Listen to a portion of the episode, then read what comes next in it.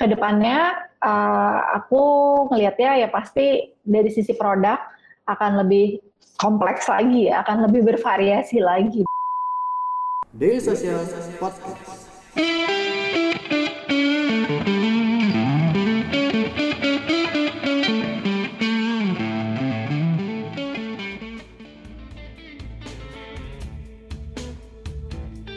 Nah lanjut aja.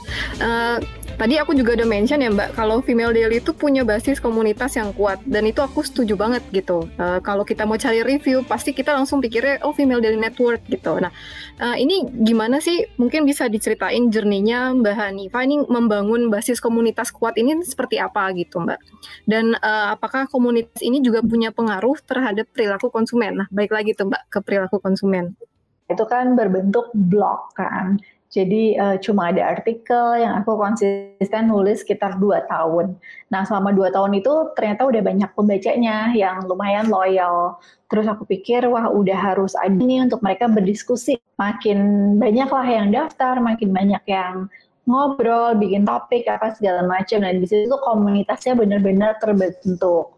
Uh, jadi uh, kalau aku lihat lagi ya di awal tuh memang itu terbentuk karena ada a group of people with the same interest yang rasa dapat banget nih bondingnya satu sama lain ngebahas tentang skincare, lipstick dan lain-lain gitu. Karena dulu-dulu mungkin kayak di kantor uh, sama teman kerja nggak terlalu apa ya nggak terlalu bisa seru-seruan gitu kan ngebahas tentang lipstick dan lain-lain. Dan tau-tau ada nih wadahnya di internet yang kayak mereka ketemu teman-teman yang wah ternyata normal ya punya 100 lipstick gitu.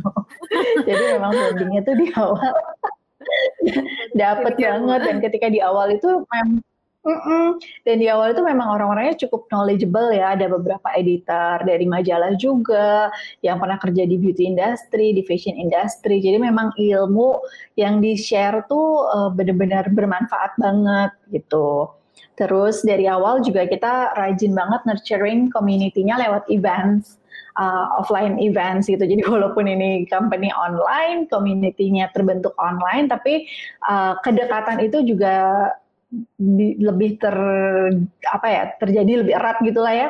Terus karena adanya offline events karena biar yang menggantikan ketemuan face to face kan ya gitu. Ya jadi dari dulu tuh ada rutin banget ya ada beauty workshop, arisan sebulan sekali dan lain-lain tuh banyak banget kan. Sampai akhirnya sekarang kita bikin event yang sangat-sangat besar terus juga nurturing uh, apa community-nya lewat ini sih listening to their feedback karena feedbacknya tuh uh, relevan banget, valid banget buat perkembangan female daily. Jadi sampai sekarang apa yang kita bangun di female daily itu ya berdasarkan feedback users usersnya female daily. Dan menurut aku iya banget mereka menentukan mempunyai pengaruh besar terhadap perilaku konsumen karena mereka nih advance banget kayak waktu itu pada saat di sini tuh belum belum musim BB krim, sisi krim tuh di female daily itu udah dibahas kayak dari 3 4 tahun sebelumnya sampai akhirnya launch di sini. Iya.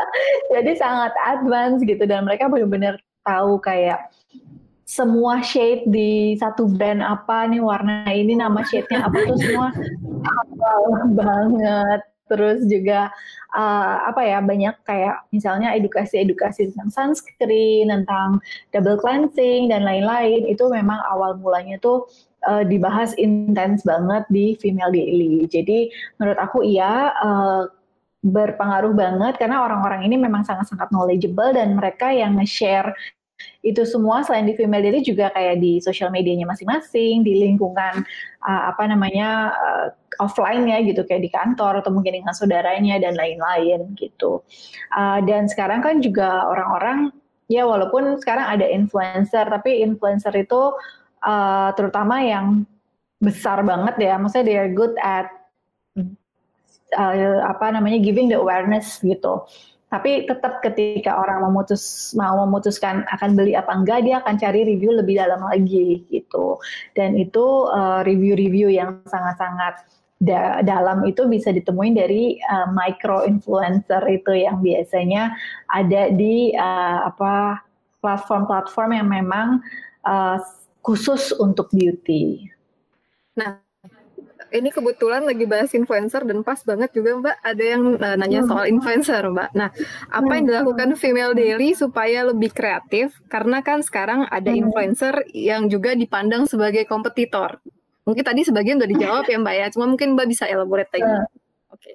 Sebenarnya kalau kompetitor sih enggak ya, karena uh, apa namanya kita kerjasama banget sama influencer dan banyak juga dari influencer influencer itu yang awalnya mereka memang di female daily gitu, tapi setelah ada Instagram dan lain-lain akhirnya mereka bisa punya platformnya sendiri dan uh, bisa share di platformnya masing-masing. Nah, uh, kalau beauty itu sebenarnya sangat-sangat kompleks gitu kan. Uh, kalau di Female Daily, ketika kita register, itu tuh harus ngisi semua beauty profile-nya. Dari mulai skin texture, skin tone, skin uh, concernnya apa aja, hair concern, hair texture, semuanya tuh lengkap banget gitu. Karena nggak ada satu produk produk yang benar-benar cocok buat semua gitu. Uh, dan kalau misalnya influencer itu kan sangat spesifik ya, ada si A yang kulitnya tuh kering, misalnya ada si B yang gampang jerawatan, ada si C yang kulitnya berminyak. Nah kita kan nggak tahu ya, maksudnya cocok tuh sebenarnya siapa sih sama yang mana gitu. Uh, jadi kalau misalnya ke influencer itu benar-benar harus tahu juga kayak sebenarnya dia skin profile sama nggak sih sama kita supaya kalau kita akhirnya ngikutin tuh emang udah tepat sasaran.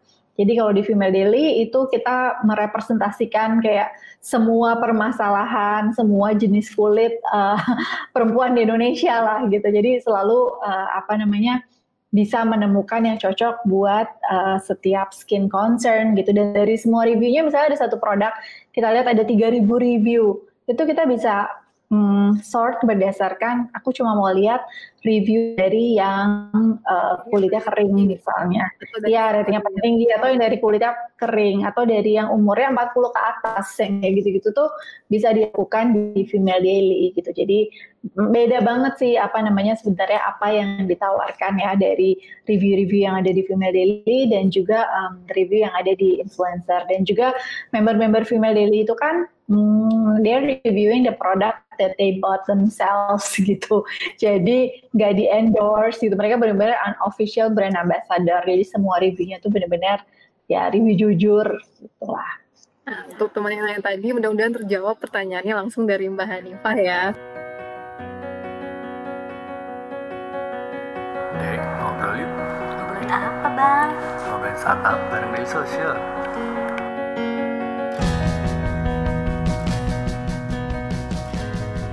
Daily Social Podcast. Nah, oke, okay. aku masih ada dua pertanyaan lagi nih dari teman-teman di rumah. Cuman aku lanjut dulu, Mbak, ke pertanyaan dari aku sendiri. Nah, Mbak tadi hmm. sudah sempat bahas juga tentang kemajuan brand-brand kecantikan lokal ya. Uh, dan Mbak juga setuju memang bahwa dalam beberapa tahun terakhir ini memang beauty tech mm. uh, juga ngedorong pertumbuhan brand-brand tersebut. Nah, mungkin pertanyaan aku lebih kayak uh, gimana sih Mbak mm. Hanifah ngelihat uh, pertumbuhannya ke depan gitu atau mungkin ada ekspektasi tertentu terhadap kemajuan dari brand-brand kecantikan ini ke depannya seperti apa? Oke, okay. kalau di awal ya tiga tahun yang lalu kebanyakan dari brand-brand ini uh, ngeluarin produk-produk yang lebih simple. Biasanya mulai dari lipstick gitu kan. Liquid lipstick itu happening banget kan 2-3 tahun terakhir. Uh, jadi biasanya ngeluarin sesuatu yang aman-aman dulu lah gitu. Tapi uh, sekarang udah lebih beragam nih uh, produk-produk yang dikeluarin. Udah ada complexion gitu kan, udah bisa ngeluarin foundation, uh, dari skincare juga uh, kalau dulu mungkin lebih ke ya toner gitu. Kalau sekarang tuh wah, udah ada serum uh, niacinamide lah, ada serum retinol dan lain-lain udah lebih advance lagi nih apa namanya produk-produk yang dikeluarin sama local brand ini. Ke depannya uh, aku ngelihatnya ya pasti dari sisi produk akan lebih kompleks lagi ya, akan lebih bervariasi lagi. Dan kalau misalnya sekarang nih local brand baru bisa ngeluarin uh, tiga shades misalnya untuk foundation atau ada yang enam gitu, tapi masih sangat-sangat terbatas. Dibanding misalnya dari Fenty Beauty gitu bisa ngeluarin 40 gitu. Nah, ke depannya uh, pasti dari dari mereka pengen nambahin shade-shade lagi sih karena orang Indonesia kan beragam banget sebenarnya kan kulitnya dari yang paling putih paling gelap gitu. Jadi pasti dari mereka akan mengusahakan uh, shades yang bisa me, apa namanya yang bisa cocok untuk semua kulit di Indonesia.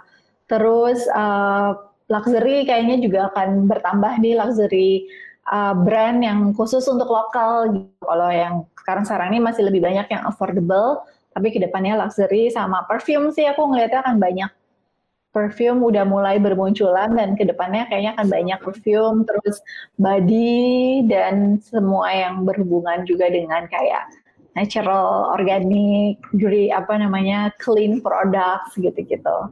Uh, kita kan sekarang lagi di situasi pandemi COVID-19 ya Mbak ya. Kemarin juga kan hmm. empat bulan kita ada pembatasan sosial, social distancing.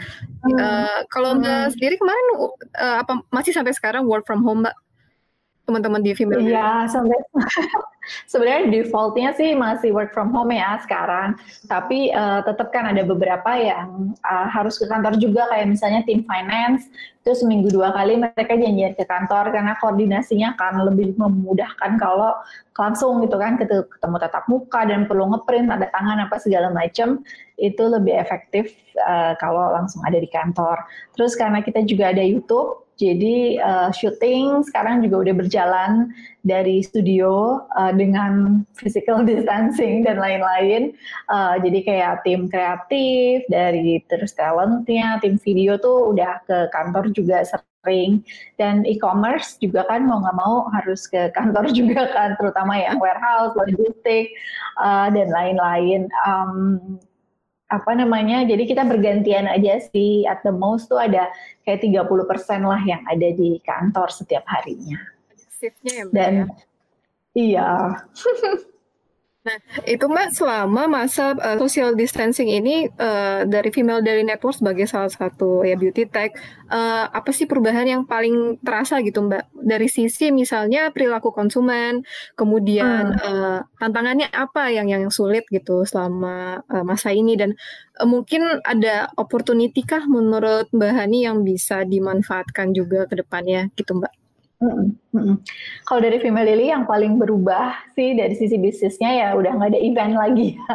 Dan kita cancel event-event besar tuh ada Jakarta X Beauty yang harusnya di bulan Juli minggu lalu harusnya di Jakarta Convention Center uh, itu cancel. Kita harusnya ada Medan X Beauty juga di bulan April kemarin udah cancel. Um, dan ada Surabaya nih harusnya bulan November kayaknya sih cancel juga oh, ya. Okay. nah, menariknya dari event-event besar ini ternyata berpengaruh juga dengan dinamika brand launching gitu karena selama ini brand uh, produk launch itu banyak dilakukan di Jakarta X Beauty dan beberapa udah menyiapkan kayak ini uh, lipstick ini mau di launch nanti pas JXB, pas SXB dan lain-lain. Nah itu kayak buyar semua kan rencananya buat si brand-brand ini dan para brand juga akhirnya jadi harus banyak menyesuaikan kan dengan keadaan. Kalau dulu orang-orang bisa ke mall, bisa nyobain produk dan lain-lain, um, terus akhirnya beberapa bulan nggak bisa melakukan itu dan sekarang pun udah buka kan tetap sepi dan orang juga untuk nyoba-nyoba lipstick pasti masih takut gitu. Uh, jadi uh, banyak banget dari brand-brand yang tadinya nggak punya online presence, akhirnya uh, mau melakukan home delivery, belanja lewat WhatsApp karena mereka belum siap e-commerce-nya atau terus akhirnya mereka juga kayak nyiapin e-katalog uh, disebar ke WhatsApp dan akhirnya orang-orang bisa belanja dari WhatsApp. Itu banyak banget sih uh, luxury brand dari dari luxury brand sampai brand-brand yang apa namanya yang uh, lokal juga uh, banyak melakukan itu. Terus uh, yang aku lihat juga di awal tuh sempat ada penurunan sih uh, untuk konsumsi beauty terutama di makeup. Oh. Ya kan karena orang-orang pada di rumah, pada di rumah. Terus, uh, sekarang juga kayak ya udah kalau keluar juga mukanya ketutupan dan lain-lain. Jadi ngerasa kayak nggak ada poinnya nih pakai makeup.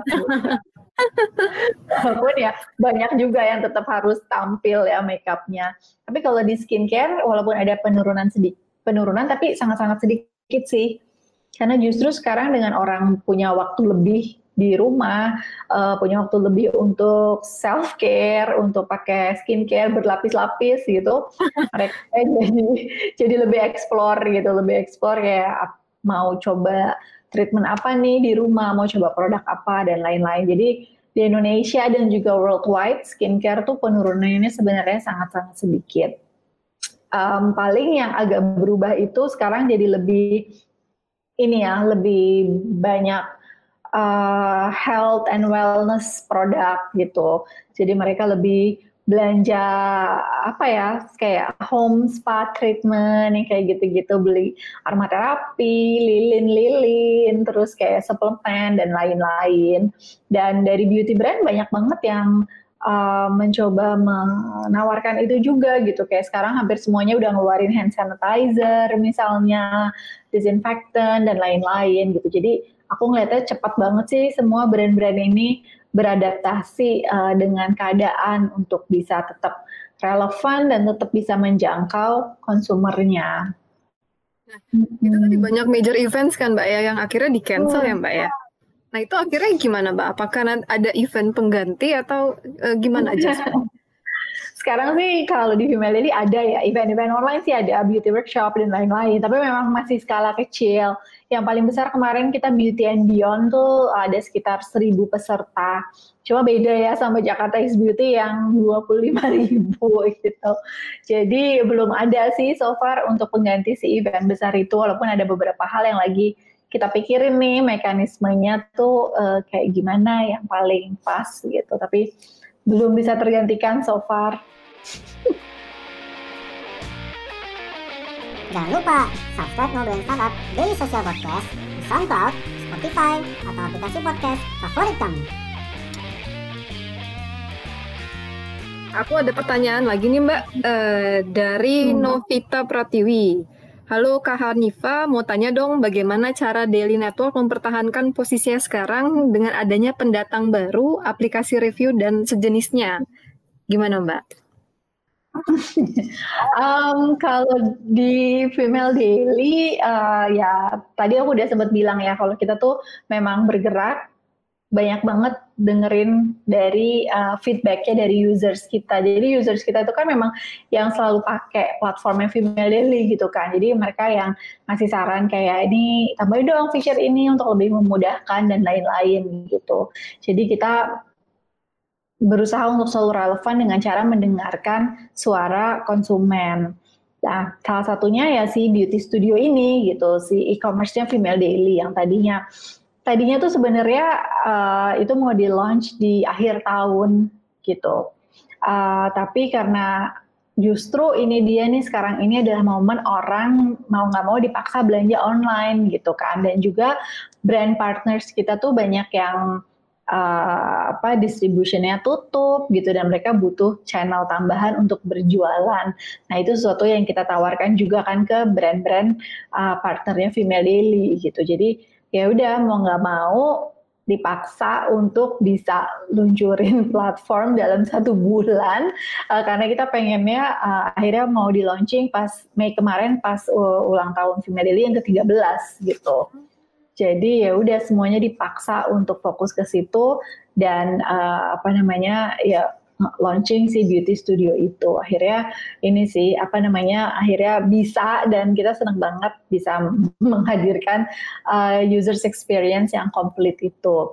Dan ke depannya kita pengen banget karena kita tahu sebenarnya beauty is very sensorial gitu ya. Tetap orang tuh lebih mantep kalau udah nyium produknya, udah lihat, udah nyobain dan lain-lain. Kita, juga, kita juga pengen banget uh, bisa hadir uh, di retail, di mall-mall di Indonesia sih ke depannya gitu. Itu sebenarnya udah direncanain akhir tahun ini juga, tapi ya mau nggak mau uh, harus mundur. Semoga tahun depan itu bisa dilakukan.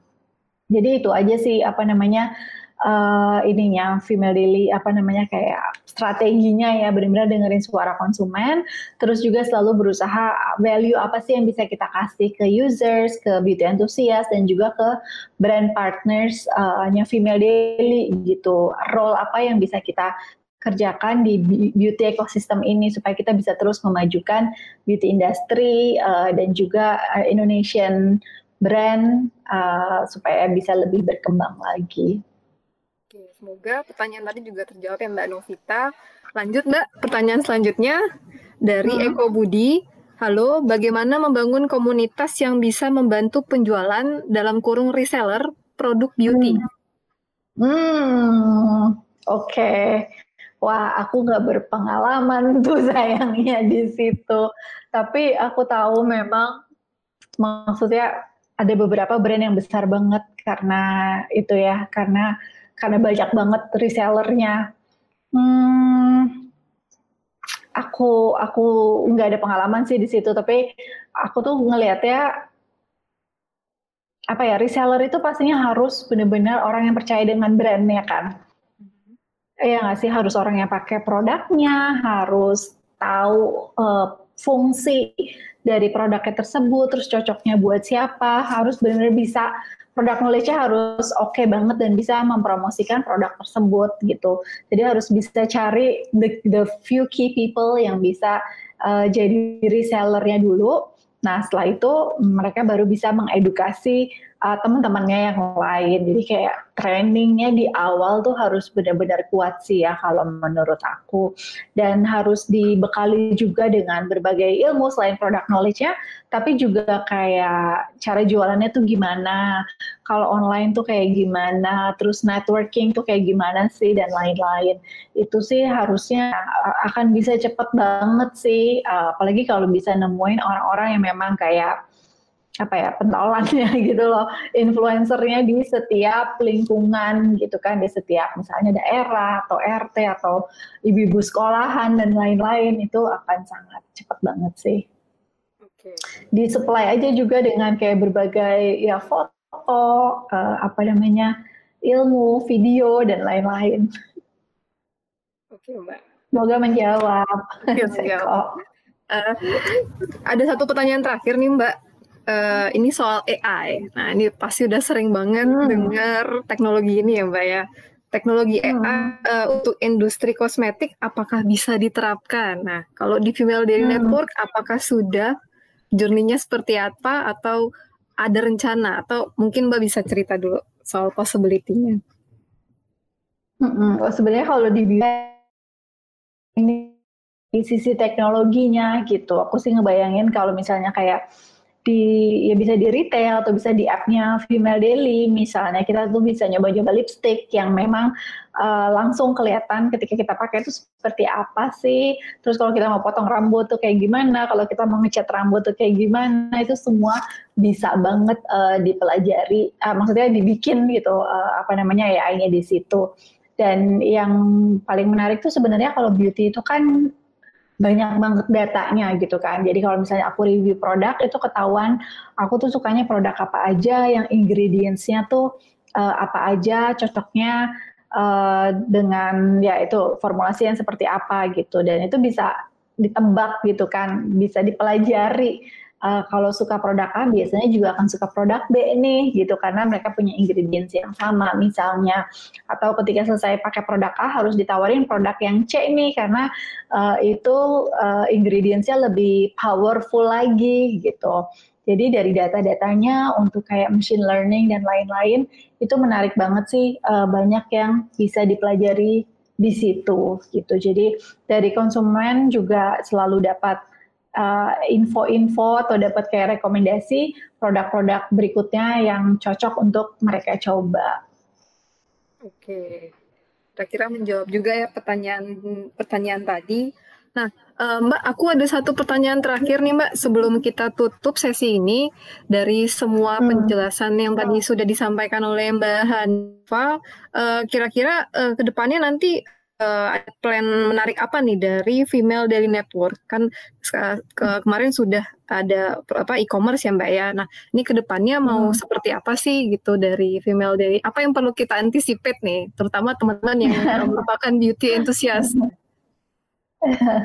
kalau tadi aku juga udah sempat mention kalau kita pengen banget sebenarnya punya retail store sendiri, jadi hopefully itu sesuatu yang bisa diwujudkan tahun depan ya finally finally punya flagship store. Terus juga dari sisi uh, offline-nya itu event sih, event-event kayak Jakarta X Beauty, um, Surabaya X Beauty, Medan X Beauty, semoga bisa digelar lagi tahun depan dengan lebih besar lagi. Terus uh, untuk e-commerce-nya karena ini juga masih suatu yang baru, brandnya juga masih sangat sedikit yang itu. Jadi pastinya kita mau itu bisa jadi jauh lebih besar. Sekarang baru ada brand lokal lokal uh, tapi bulan ada internasional juga. Jadi ke depannya pengennya semua brand yang ada di Indonesia yaitu ada juga di beauty studio di Female Daily. Jadi uh, ya lebih sebenarnya apa yang udah kita jalanin sekarang tapi kayak lebih besar lagi, lebih masif lagi sih yang pengen dikerjakan. Oke. Okay look forward ya Mbak untuk semua rencana atau major plan-nya tahun depan dan ke depannya. Oke, okay. nah pertanyaan tadi itu sekaligus nutup sesi kita malam ini ya Mbak ya.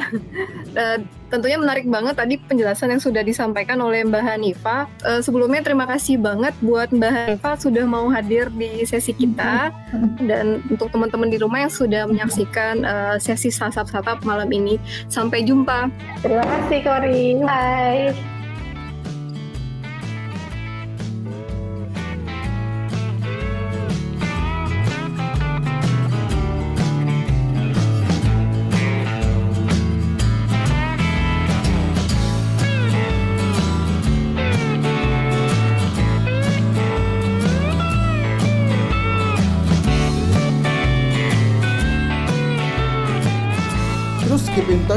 Kita di dailysocial.id untuk website kita.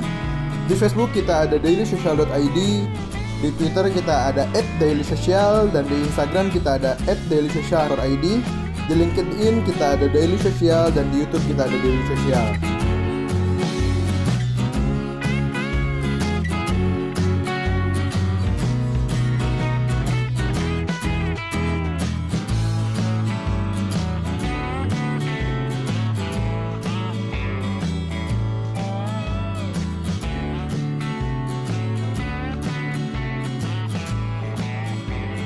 Daily Social Podcast.